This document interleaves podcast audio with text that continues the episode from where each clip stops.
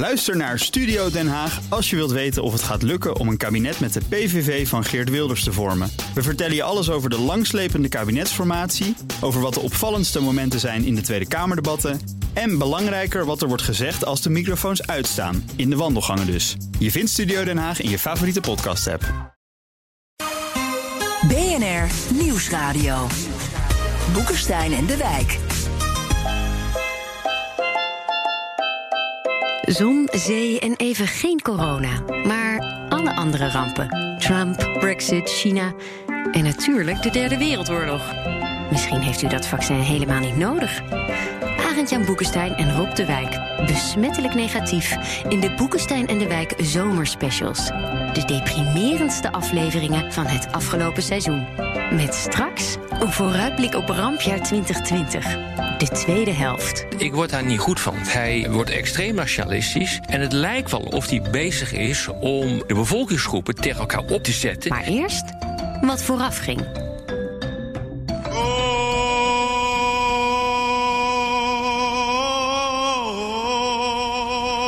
Soms zit het ook als supermacht allemaal een beetje tegen.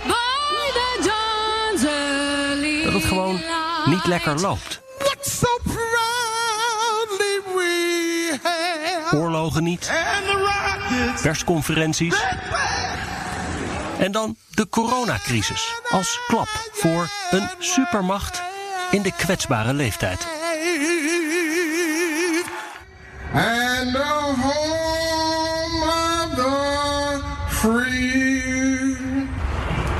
Welkom bij Boekenstein aan de Wijk, op zoek naar de nieuwe wereldorde. Waarin Arend-Jan Boekenstein en Rob de Wijk elke week hun mening opdringen aan een gast. Deze week hebben we Maarten van Rossum bereid gevonden. Welkom. Dankjewel. En meneer Van Rossum, eh, je zou kunnen verwachten dat het machtigste land ter wereld ook een epidemie best kan managen. Maar zo werkt het dus kennelijk niet. Kunt u dat verklaren? Jawel, dat valt wel te verklaren. Dat heeft te maken met de dysfunctionaliteit van de federale overheid in Washington. Eh, Die dus dysfunctionaliteit, dat is niks nieuws. Dat eh, is in feite al jaren en jaren aan de gang. Maar wordt natuurlijk door zo'n coronacrisis extra onderstreept. En bovendien is de dysfunctionaliteit nog sterker geworden... doordat de Amerikanen besloten hebben... althans een hele grote minderheid heeft besloten... om een evidente halve garen president van de Verenigde Staten te maken. En de combinatie van die factoren, ja, die leidt op dit moment... tot ook een dysfunctioneel coronabeleid. Ja, Maar is in essentie, hoe komt dat dan, eh, Maarten, eh, die dysfunctionaliteit? Heeft dat iets te maken met het feit dat eh, republikeinen eh, en democraten elkaar niet eh, kunnen luchten of zien? En dat, die elkaar de- dat is, voortdurend... eh, eh, ja, dat is de hoofdoorzaak. Dat die twee partijen elkaar dus niet kunnen luchten of zien. Maar daar zit een diepere hoofdoorzaak Ja. achter. Namelijk het optreden van de Republikeinse Partij. Die in feite sinds 1994 in toenemende mate geradicaliseerd is. En die erin geslaagd is, hoewel het een minderheidspartij is, de machtsposities in het systeem zo efficiënt te bezetten dat ze in allerlei opzichten eigenlijk functioneren als een meerderheidspartij, wat ze feitelijk niet zijn.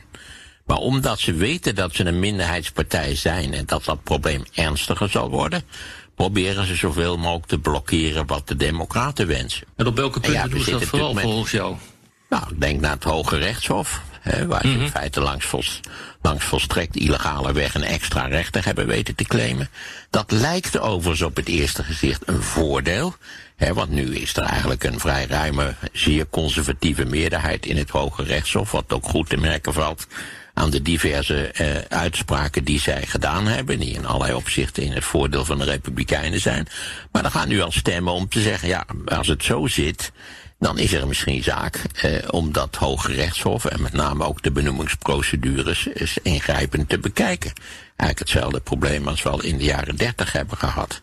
En ik denk dat dat, nou ja, als dat zo doorgaat, dan kan dat inderdaad ook verder escaleren. Maar de hoofdoorzaak van alle ellende is mijns inziens het extremisme van de Republikeinse Partij. Nou ja, en Kijk, het feit dat, eh, dat president eh, Trump nu ook de aanval heeft eh, ingezet op de deep state. Eh, hij heeft bijvoorbeeld Ja, ja. Een, eh, een, een unit binnen het Witte Huis dat zich bezighield eh, met, eh, met pandemieën.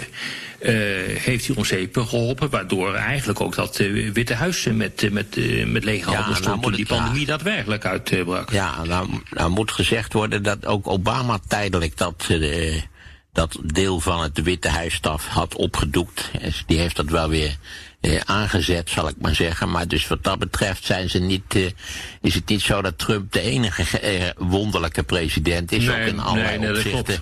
Maar is- Obama is- had het niet beleid- tegen de deep state, hè? ja, nou, da- nou, kijk, die deep state, daar kunnen we de uitzending in principe ook aan wijden. Want er is, in, er is eigenlijk geen deep state. Dat is een hele Nee. twijfelacht, dat is een hele twijfelachtige zaak of er zoiets is.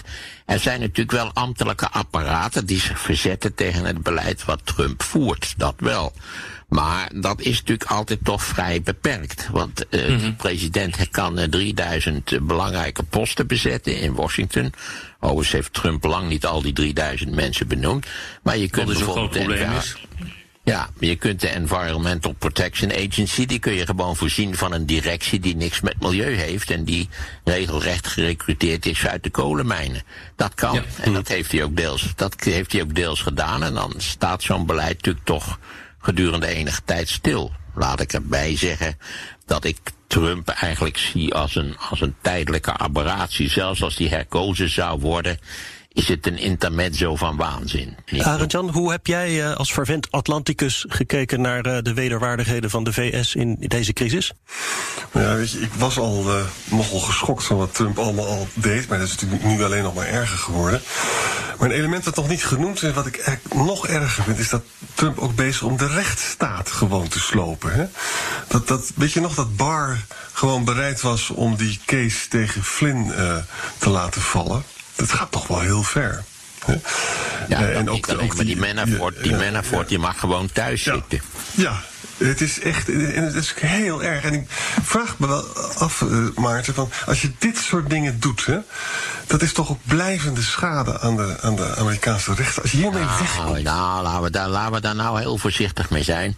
Omdat natuurlijk, eh, ja, wij hebben toch de neiging, denk ik, om de Verenigde Staten te identificeren met de zittende president. En dat, dat, is, een, dat is een heel misleidend beeld wat, wat daar gecreëerd wordt. Het is een continentale staat met 330 miljoen inwoners.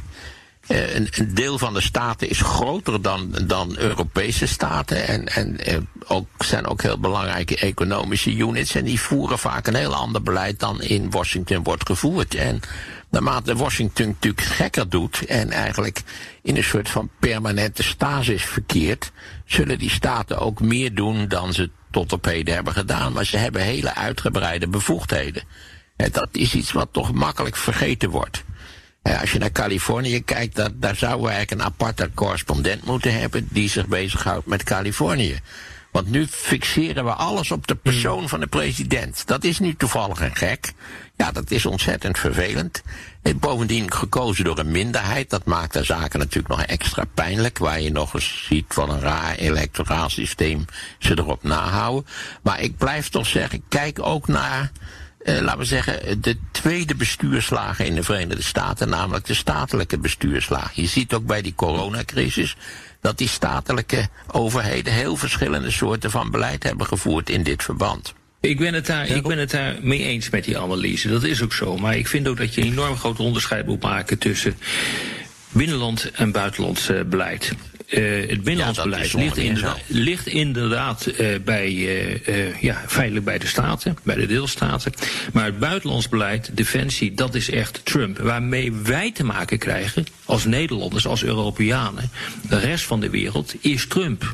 En ik heb zelf ook gezien van redelijk nabij hoe dat gegaan is met Trump in, een, in NAVO-vergaderingen. Ik bedoel, daar wordt gewoon de boel gesloopt. Deze week werd weer bekend dat, een, dat het Open Skies-verdrag, eh, wat echt een Ja. stabiliserend, eh, eh, stabiliserende afspraak is, waarbij vliegtuigen van eh, elkaar boven elkaars landen moeten kunnen vliegen na, na afspraken. Dat is gewoon stabiliserend. Eh, we hebben het INF-akkoord ge- gezien dat gesloopt werd, Eh, waardoor echt gewoon de veiligheid in Europa verminderd wordt. Dus hier is een president aan de gang die wel degelijk besluiten neemt, eh, die, die nadenderen nadat hij al is afgetreden. Ja, maar gesteld nou dat hij er nu uit zou vliegen per 20 januari volgend jaar. Ja. Dan denk ik dat, eh, dat er van alles en nog wat eh, vrij simpel kan worden teruggedraaid. Je moet Denk even kijken hoe dat precies verdragstechnisch in elkaar zit. Maar het kan vaak wel worden teruggedraaid. Heel veel wat, wat hij gedaan heeft is executive order. Dat, Klopt. dat, heeft dus geen, geen, dat heeft geen legale basis. Dus dat gaat al heel simpel terugdraaien. Ik wil niet zeggen dat hij niet aanzienlijke schade aanricht. Maar er is wel een tweede aspect aan. Misschien is het voor ons ook wel een stimulans om ons te realiseren dat wij ook voor in allerlei opzichten aan onze eigen strategische veiligheid iets moeten doen. Absoluut. En er niet, Absoluut. En er niet vanzelfsprekend van uit moeten gaan dat de Verenigde Staten ons zullen beschermen onder alle denkbare omstandigheden. Ja, die coronacrisis helpt daarbij hoor, om daar eh, op een heel andere manier eh, over na te gaan denken. Eh, dat hielp eigenlijk al de financiële crisis, toen er een aantal verschuivingen in die mondiale macht eh, kwamen. Maar je ziet het nu weer gebeuren en wij moeten als Europeanen daar iets mee. Dat is mijn heilige overtuiging. Bij een zo'n mondiale crisis eh, zou vroeger iedereen natuurlijk meteen naar Amerika kijken voor leiderschap in de wereld. Maar nu heb ik het idee dat dat eigenlijk dat helemaal heeft- niet zo is. Is iedereen al een beetje daar, Nee. daar voorbij eh, gegaan? Ja, dat lijkt mij wel. Natuurlijk, de, de aanpak van de coronacrisis is zo compleet krankjorum. Ik vraag me ook af of de Trump-bewonderaars in Nederland ondertussen ook eh, desinfecterende middelen hebben gedronken.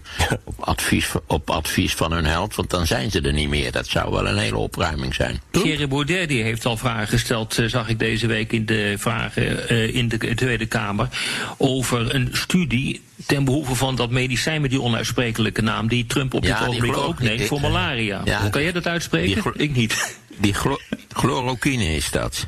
Je kunt ja, dat maar nog, voorvoegsel- ingewikkelder volgens mij. Dat voorvoegsel kun je gewoon weglaten. Dus chloroquine, zo noemen medicijn mensen het ook. Dus Oké, ja, dat nou goed, daar doen. bestaat op, op dit moment bestaat daar geen schijn van een bewijs voor. Maar daar zie je aan, kijk, hij opereert ook eigenlijk op basis van allerlei vage samenzweringstheorieën en onzin die van de rechterzijde hem wordt ingefluisterd. Ja, Ja, maar Baudet doet het, het kennelijk ook in soort- Nederland. Ja. ja, wacht even. Ik bedoel, we, zullen, we zijn het toch volledig over eens dat Baudet qua waarhoofdigheid toch op hetzelfde niveau opereert als Trump. BNR Nieuwsradio. Boekenstein en de Wijk. Op zoek naar de nieuwe wereldorde. Dit is Boekenstein en de Wijk. En dat programma is natuurlijk niet zonder Arend-Jan Boekenstein en Rob de Wijk. Mijn naam is Hugo Reitsma en onze gast is historicus en Amerika-deskundige Maarten van Rossum. We schuiven, merk ik al, langzaam een beetje van Amerika naar de rest van de wereld. En eh, Rob, we, we hebben het hier altijd over de nieuwe wereldorde. Maar die oude wereldorde, zeg maar de Pax Americana... daarvan kunnen we nu constateren dat die nu niet functioneert? Ja, die functioneert eigenlijk al zolang eh, Trump niet eh, Trump aan de macht is. Kijk, hij functioneert zeg maar onder de radar wel. Ja, als je gewoon kijkt door het, de militaire samenwerking op het niveau van op ambtelijk niveau, op het niveau van landen geregeld is naar het Pentagon toe, dan valt het eigenlijk allemaal nog wel mee. Maar wat natuurlijk gewoon telt, is het vertrouwen wat je hebt in een land als Amerika, eh, dat zijn leiderschap moet tonen en dat hij dat niet wil. Eh, het, het is een kwestie van leiderschap. Het is niet eens een kwestie van wat veel mensen zeggen, isolationisme, dat Amerika zich totaal terugtrekt. Maar het is gewoon het, het weg gooien van je leiderschaprol. En dat heb je wel nodig als eh, westerse wereld. Of, en dat ben ik het eens met Maarten wat hij, het, eh, wat hij net zei, of je moet ervoor zorgen dat je als Europa daar iets tegen overstelt. Nou, dat gebeurt ook wel, want er zijn hele grote discussies op dit ogenblik eh, achter de schermen gaande over zogenaamde strategische autonomie binnen de Europese Unie. Zoveel mogelijk on- onafhankelijk eh, worden van de rest van eh, de wereld. Ja, en dat wordt natuurlijk aangejaagd door het ontbreken van Amerikaanse leiderschap. Je, wat je ook ziet gebeuren, en dat is heel schokkend, dat. Kijk, Amerika zou natuurlijk ook een leiderschap moeten geven aan die hele discussie over het vaccin. En dat het voor iedereen beschikbaar komt. Maar Trumps bijdrage is America first. Hè. Er zijn grote problemen in Afrika die kunnen ontstaan. Afrika kan dat zelf niet oplossen. Ook daar zou Amerikaans leiderschap belangrijk bij zijn. We hebben bovendien ook te maken met een zeer grote economische crisis. En op al die punten mis je dus ook Amerikaans leiderschap. Omdat ja, meneer Trump zit meer chloroquine te, te slikken. Het is echt heel Ja. treurig. Maar wacht even. Eh, wij, wij zelf eh, dragen ook niet erg bij aan leiderschap in deze wereld. Door eh, dat de Europese Unie natuurlijk deels verlamd is door interne tegenstellingen. Nederland levert daar ook zijn eigen unieke bijdrage aan. eh, op basis van, van een zeldzaam soort van kortzichtigheid. Want als de EU wat, wat meer als eenheid zou opereren, en dat kan naar mijn idee best, dan moet je dus ook proberen eh, in, in, in ieders belang te denken en niet alleen in je eigen kortzichtige belang en aan je verkiezingen volgend jaar. Want Nederland zou zich moeten schamen voor zijn Europa-beleid. Maar Europa is als regelgever juist heel interessant. Veel interessanter dan de Verenigde Staten. Wereldwijd wordt er veel beter geluisterd naar Europese regelgeving dan naar Amerikaanse of Chinese regelgeving. Want wie wil daar nou naar luisteren? Hm. En want China heeft zijn eigen eigenaardigheden, zijn totalitaire staat. En Amerika is in allerlei opzichten een chaos. Wel eens, Absoluut. Wat je ook, de Europese Unie is een regelsupermacht, dat wordt vaak vergeten. Ja, en, en wij hebben natuurlijk in de kredietcrisis en vervolgens de eurocrisis daar heeft natuurlijk de Amerikaanse Fed veel beter geopereerd dan uh, Europa financieel geopereerd heeft, omdat wij het maar niet eens kunnen worden over wat precies de Europese Centrale Bank moet doen en dat wij wel degelijk ook een een werkelijk functionerende muntunie moeten worden. En niet zodat allerlei leden daar voortdurend tegenaan schoppen en beweren dat we dat niet moeten doen dus je moet ook denken in termen van dat, dat de Europese Unie en, en met name de eurozone ook zelf geld kan lenen als eurozone. Dus niet hmm. als individuele landen, maar als eurozone. En Nederland moet ook zijn rare verzet daartegen opgeven. Ik geef nou, toe, we zitten nu met dat, we zitten nu met dat, ja, we zitten nu met dat Duitse, we zitten nu met dat Duitse probleem natuurlijk, maar ja, de Duitsers hebben een Europees verdrag tekent waarin staat dat het Europese Hof boven het Duitse Hof gaat. Oh, dat. hebben ze zich aan te houden. Als zij de hele EU willen opbreken, dan ben ik erg geïnteresseerd in wat hun alternatieve beleid zou moeten en kunnen zijn. Maar zou Europa dat Amerikaanse vacuüm kunnen opvullen als het uh, zich terecht ja, toezet? Ja, ja, ik, denk dat dat, ik denk dat dat zeer wel mogelijk is, maar dan moet je ook wel stappen zetten. Dan moet je in feite toch het integratieproces niet voortdurend saboteren en niet alsmaar een stok in de wielen steken. Maar dan moet je proberen dat integratieproces op een verstandige manier te bevorderen. Ja, en, de belangrijkste, Maarten, de belangrijkste reden waarom dat nodig is, is volgens mij niet eens Amerika, want dat afkalvingsproces van Amerika, dat zien we al tien jaar. En tegelijkertijd, diezelfde tien jaar, twintig jaar bijna, zien we de opkomst van China. Wil je je onafhankelijkheid te bewaren, ook van eh, China, dan zul je wel moeten. Doen we het niet, dan word je gewoon individueel met al die kleine kleuterlandjes eh, in Europa, inclusief Duitsland ja, Frankrijk. Dat, dat is die, worden gewoon, die worden gewoon de speelbal van China. Dan krijg je een wereldorde met Chinese karakteristieken en daar, daar word ik ook niet zo blij van. Nee, nee, nee, daarom. Dat is het gekke juist. We hebben drie grote spelers in deze wereld. Dat zijn China, de Verenigde Staten en de Europese Unie. Voor de rest van de wereld is de Europese Unie als grote speler veel interessanter dan China en de Verenigde Staten.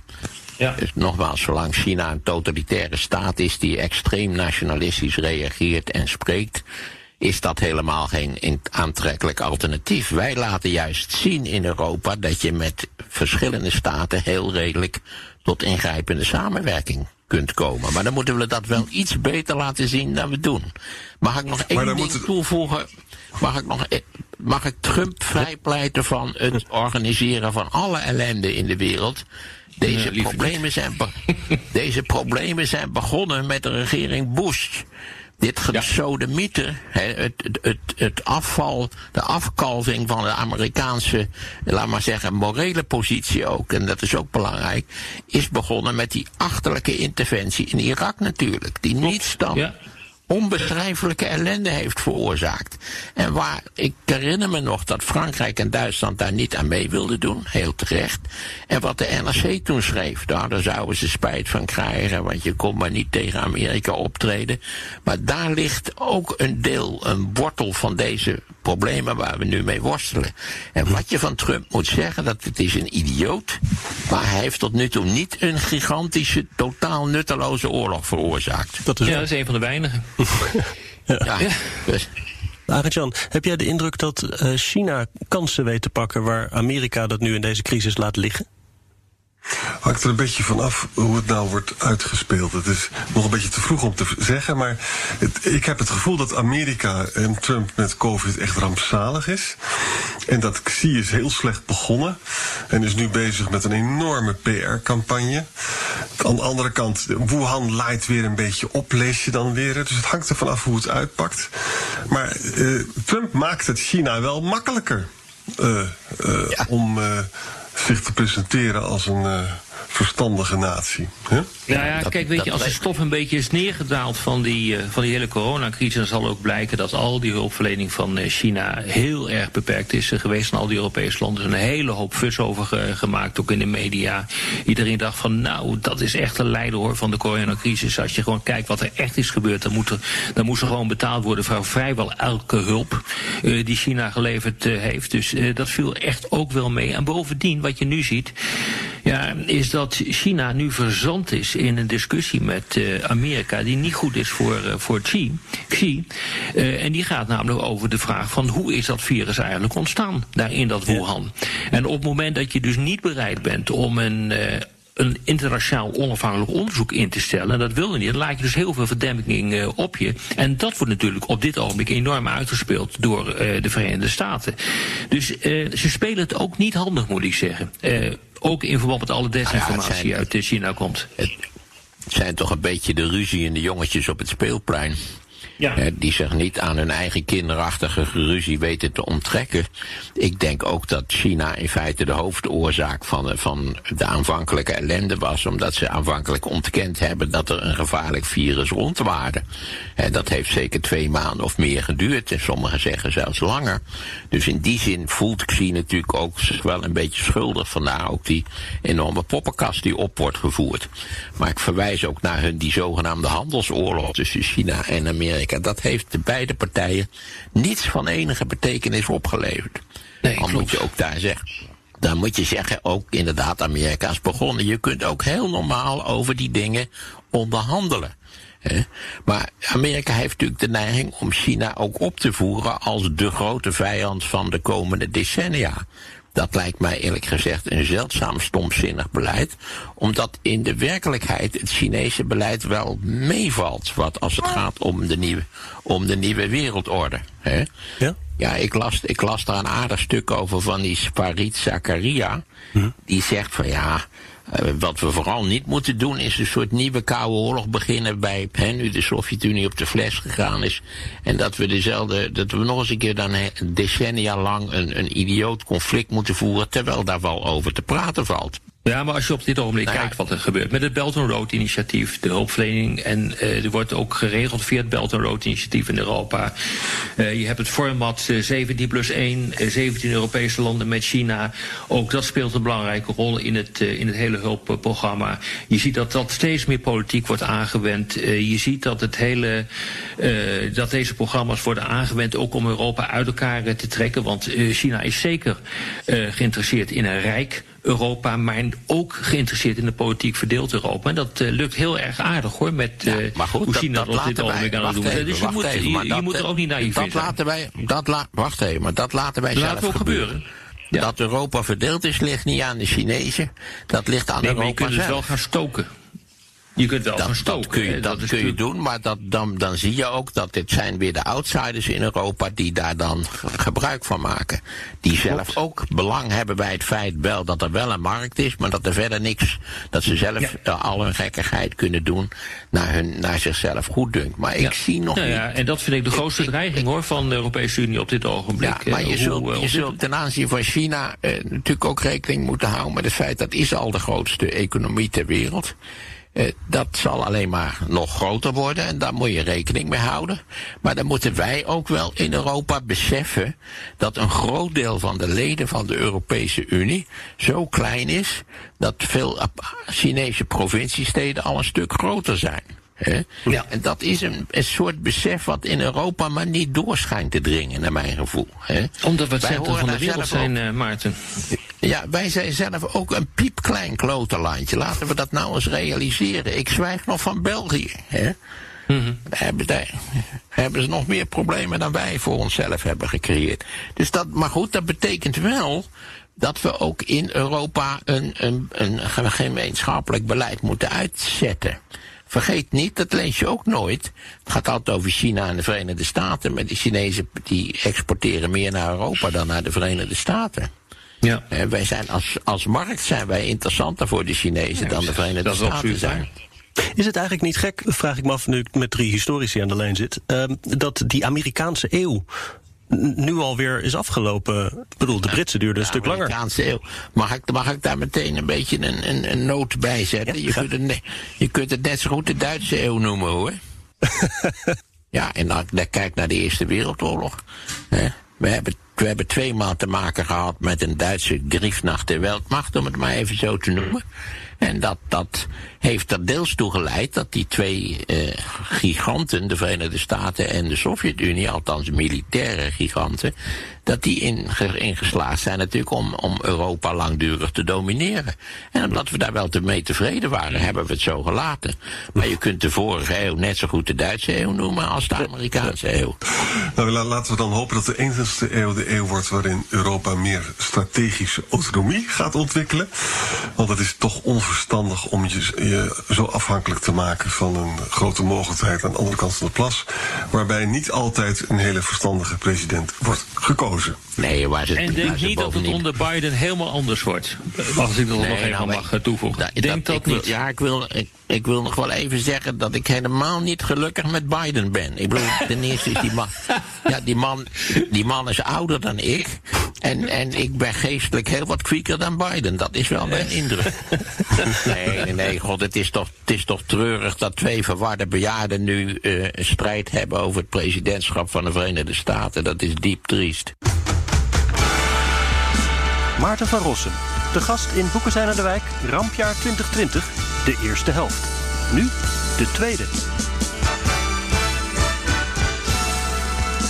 Kijk, Arend Jan, eh, we zitten nou maanden in die coronacrisis.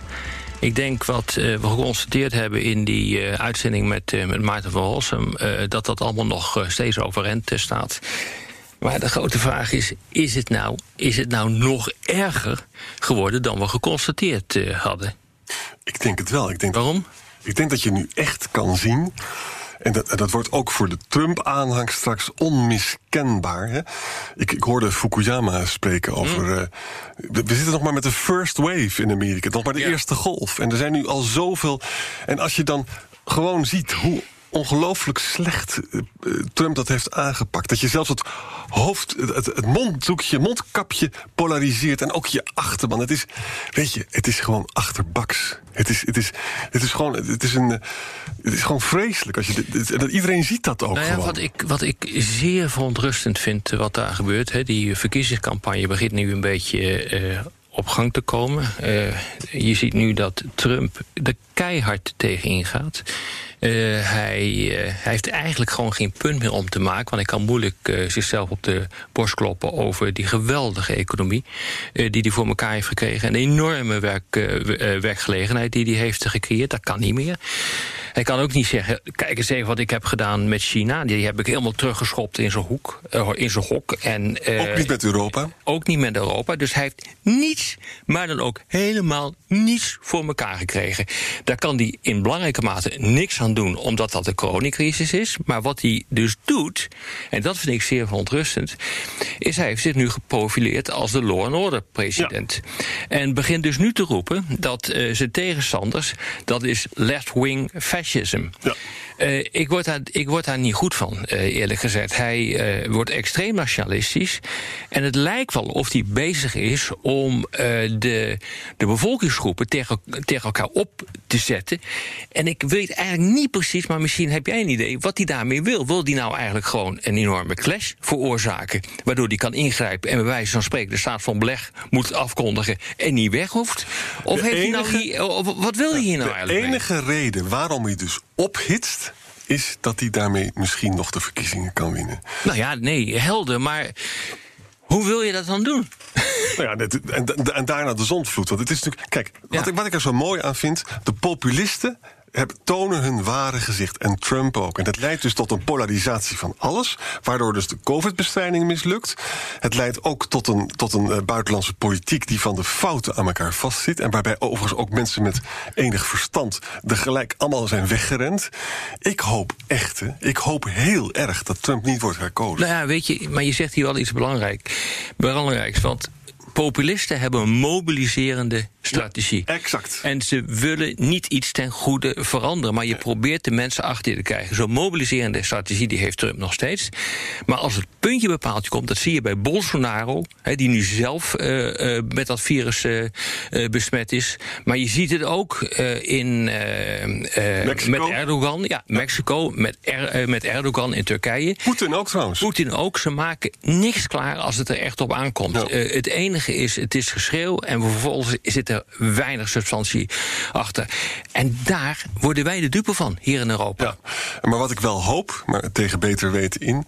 dat er moet toch een moment komen dat de populisten in den wereld last hebben... van het slechte record van hun collega's in het buitenland. Nou ja, ik, als, je, als je nu kijkt... Hè, naar bijvoorbeeld Europa en naar uh, de opiniepeilingen gewoon Europa breed, uh, dan is de constatering dat bijvoorbeeld de steun voor de Europese Unie eigenlijk ontzettend hoog is. Ja, ja. Uh, je ziet heel interessant genoeg. In Ook voor aantal... de Nederlandse regering. Ja, ja, ja. Je ziet, uh, behalve in Frankrijk. Hè, maar ja. overal is de steun voor de regering is, uh, dat de Frankrijk. Daar kan ik wel iets bij voorstellen waarom dat zo is. Maar je ziet bijvoorbeeld overal in de wereld, gesproken over Frankrijk. of overal in Europa moet je eigenlijk zeggen ook in Frankrijk, met de recente verkiezingen, dat de groenen aan het opkomen zijn. Dat is echt heel interessant. Begonnen in Zwitserland. Ja. Uh, volgens mij zie je het. Hè? Duitsland, Duitsland zie je het. Je zit in Frankrijk. Het zou me niet verbazen als je zo'n golf ook in Nederland kijkt. Hoewel dat een coalitieland is, is altijd ingewikkelder. Maar je ziet al heel voorzichtig een, een tegenbeweging ontstaan. Weet je wat ik me nou zo interessant mm. lijkt? We hebben dus in Nederland ook de, de Trump-trouweling. Dus ja. Leon de Winter met zijn column in de Telegraaf. Uh, Thierry Boudet, Dirk-Jan Epping natuurlijk ook. Wanneer komt nou het moment dat Leon de Winter gaat toegeven dat Trump gewoon een ongelofelijke puin Nou, ik denk dat hij dat niet doet. Omdat hij ongetwijfeld, en dat is natuurlijk altijd het hele punt met uh, populisten en de commentatoren uh, daarvan. Je kunt altijd een ander de schuld geven voor jouw ongeluk. In dit geval doet Trump dat door te wijzen naar China, waardoor gewoon feitelijk alleen maar die, die clash met China nog groter wordt. en dat, dat, is, dat is wat populisten doen. ze zijn nooit verantwoordelijk, maar het is altijd een ander die het gedaan hebt, heeft. Maar bij de hele coronacrisis, ja, dat is, elk land wordt getroffen. Dus elk land moet het op zijn eigen manier proberen op te lossen. En, en je kunt dus ook de record van iedereen met elkaar vergelijken. En daarom hoop ik nog steeds een beetje dat het uh, ja, en, populisten ja, en, en dan is het de vraag uh, waar je naar gaat kijken. Als je kijkt naar uh, doden per miljoen aantal uh, inwoners dan zit daar niet een significant verschil in. Dan, dan, dan, dan scoren landen als Italië, Spanje, uh, ook wel Frankrijk. die scoren echt hoog op dit ogenblik. China scoort heel erg laag. Al was het alleen maar omdat er zo ongelooflijk veel Chinezen zijn. En als je dat weet te beperken tot Wuhan en omstreken, nou, dan, dan, dan, dan scoor je gewoon laag. Rusland scoort hoger ik vind dat dat moeilijk is hoor, om dat uiteindelijk te bewijzen. Het enige wat je kunt, kunt doen is, is wijzen op de op het totale gebrek uh, aan leiderschap van dat soort uh, types. En dat geldt natuurlijk voor Trump. Alleen als Trump dat doet en die heeft geen leiderschap, uh, dan raakt dat ons direct. Ja, bij, bij, bij Poetin is dat niet zo. En bij Bolsonaro, het zou me worst wezen wat daar gebeurt in Brazilië. Maar bij bij Trump, dat raakt ons direct. Ja, we betalen de hoogste prijs ervoor. Aan de andere kant is het ook wel zo. Als, dit is dus een wake-up call voor Europa. Hè? Ik bedoel, er, er worden troepen uit Duitsland gaan. Wat wil je nou nog meer? Hè? Als wij nu niet gewoon meer gaan samenwerken. En je zegt ook heel terecht wat je verder ook van die eurozone vindt. Daar moet een oplossing voor komen. Ja. En als we dat niet voor elkaar krijgen, dan. De Jongens, dit mag, dit mag, niet mislukken. Ik denk dat wij dat, uh, dat daar wel over, uh, over eens zijn zo langzaam. Het heeft helemaal niks te maken met dat je een eurofiel bent. Of het heeft gewoon te maken met het feit dat je op een bepaalde manier redeneert en weet dat chaos, grote veranderingen echt heel erg slecht voor ons zijn. Nou, helemaal eens. En uh, Het is ontzettend belangrijk dat Europa eh, echt de eenheid gaat vinden. Of het gebeurt, weet ik niet. Want het, we, we hebben de Chinezen al te veel ruimte gelaten. Die hebben ons uit elkaar gespeeld. Maar goed, we zullen het zien.